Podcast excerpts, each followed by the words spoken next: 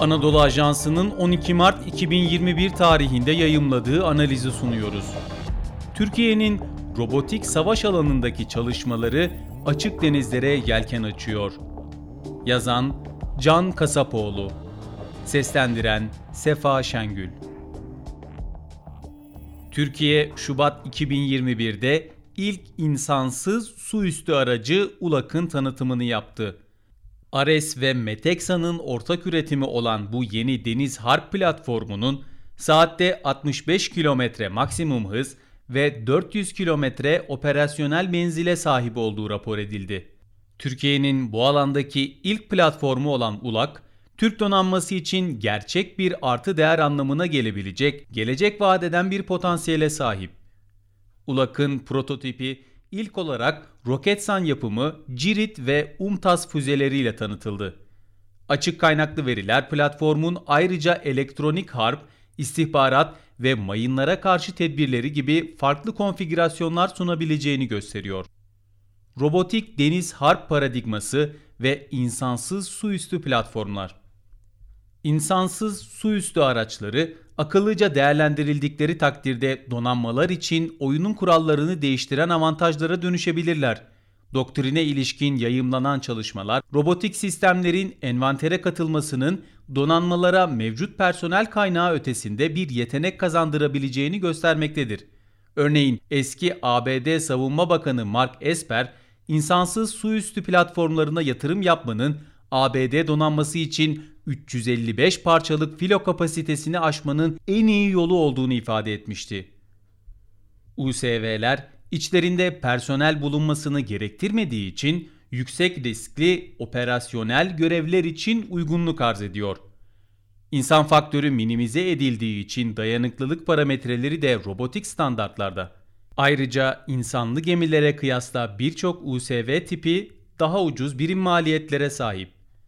USV'ler elektronik harp ve istihbarattan füze kabiliyetine kadar geniş bir görev yelpazesinde kullanılabilen çok yönlü sistemler. Son olarak yeni tip koronavirüs salgınının dünyadaki birçok donanma üzerindeki etkileri göz önüne alındığında dronizasyon hemen her kuvvet için daha öngörülebilir bir biyogüvenlik avantajı sunuyor. Zira robotlar patojenlerden etkilenmiyor, ateşleri çıkmıyor ve hastalanmıyorlar. İnsansız su üstü araçları hakkında giderek büyümekte olan literatürde söz konusu yeni sistemlere enteresan rollerin biçildiği görülebilir. Birincisi, robotik platformların geleneksel filolara eşlik eden insan-makine işbirliği temelli harekat tasarısı dahilinde görev yapması muhtemel. Türk yapımı ULAK prototipinin örneğinde de görüldüğü üzere USV'lerin yüksek riskli alanlarda elverişli füze platformları oluşturması da ihtimal dahilinde. Elbette ki platform büyüdükçe harp yükü ve ateş gücü de artacaktır. Füze harp yetenekleri USV'lerin daha büyük gemilere ve görev gruplarına eşlik ederken hava savunma görevlerinde de kullanılmasını sağlayabilir. USV'ler gelecekteki harekat tasarılarının parçası olarak amfibi operasyonlarda da görev alabilirler. Söz konusu çerçevede lojistik görevler yani çıkarma bölgesine personel ve ekipman taşınmasını icra edebilecekleri gibi silahlı USV'ler amfibi birlikleri ateşle destekleyebilir. Son olarak 2013 tarihli bir Rand Corporation raporunun USV'lerle ilgili önerdiği gibi söz konusu araçlar tıpkı taarruzi yani kamikaze dronlar gibi kullanılarak bir tür su üstünde seyreden robotik torpido olarak da kullanılabilirler. Ayrıca daha büyük insanlı deniz araçlarını korumak için gemi savar füze tehditlerine karşı koyacak şekilde de yapılandırılabilirler. Robotik deniz harbi sularına yelken açmak Ülkenin ilk USV'si olan ULAK'ın nihai operasyonel kapasitesine ulaşmadan önce önünde ilerlemesi gereken uzun bir yol bulunuyor.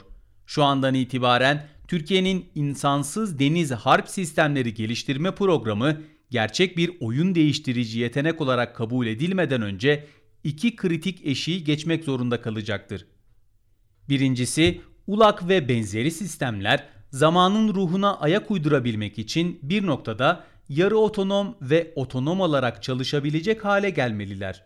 Milli savunma sanayi ve teknoloji altyapısı sahip olduğu yeni kapasiteleri otonom hale getirmeye odaklanmalı. Bunu yapabilmek için savunma ekosistemi bütüncül bir anlamda yapay zeka ve daha etkin karar alma algoritmalarına dair kapsamlı bir anlayış geliştirmeli. Ayrıca ilerleyen aşamalarda Türk askeri planlamacıları otonomiyle gelen özelliklerden faydalanarak savunma sektörüyle yakın işbirliği içinde robotik deniz harbi için swarming yani sürü konseptleri üzerinde de çalışmak zorunda kalacaklar. İkincisi, Türkiye'nin donanma modernizasyonu için daha karmaşık konseptler üretmesi gerekiyor.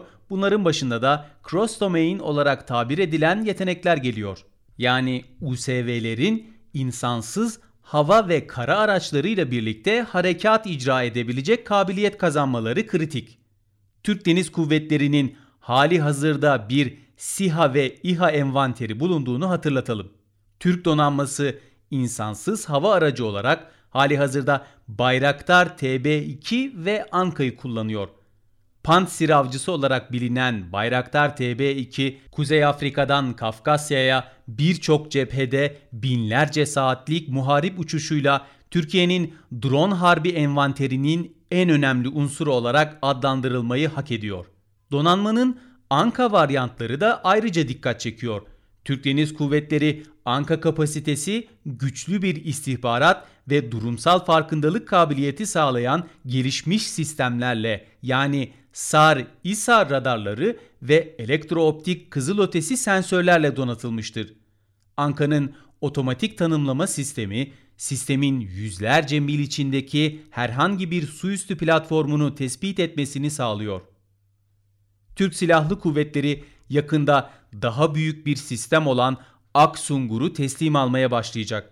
Anka ailesinin de yapımcısı olan TUSAŞ tarafından imal edilen Aksungur, harp yükü konfigürasyonları dahilinde taşıdığı yeteneklerle iddialı bir denizaltı harbi sistemi olmaya aday. İdeal bir ortamda yukarıda bahsedilen İHA'lar, ULAK ve diğer müstakbel USV'lerle ağ bağlantılı bir şekilde çalışacaktır ya da çalışmalıdır. Nihayet şunu ifade edelim ki USV pazarının istikrarlı bir şekilde büyüme ihtimali de dikkate alınmalı. Dolayısıyla ULAK aynı zamanda karlı bir ihracat unsuruna dönüşebilir. Sonuç olarak Türkiye robotik savaş ufkunu genişletmiş ve insansız sistemler gündemini denizcilik alanına da intikal ettirmiş bulunuyor. İcap ettiği şekilde yönetilebilirse ULAK Türk donanması için yeni bir dönemin başlangıcı olabilir. Spotify, SoundCloud, Apple Podcast ve diğer uygulamalar. Bizi hangi mecradan dinliyorsanız lütfen abone olmayı unutmayın.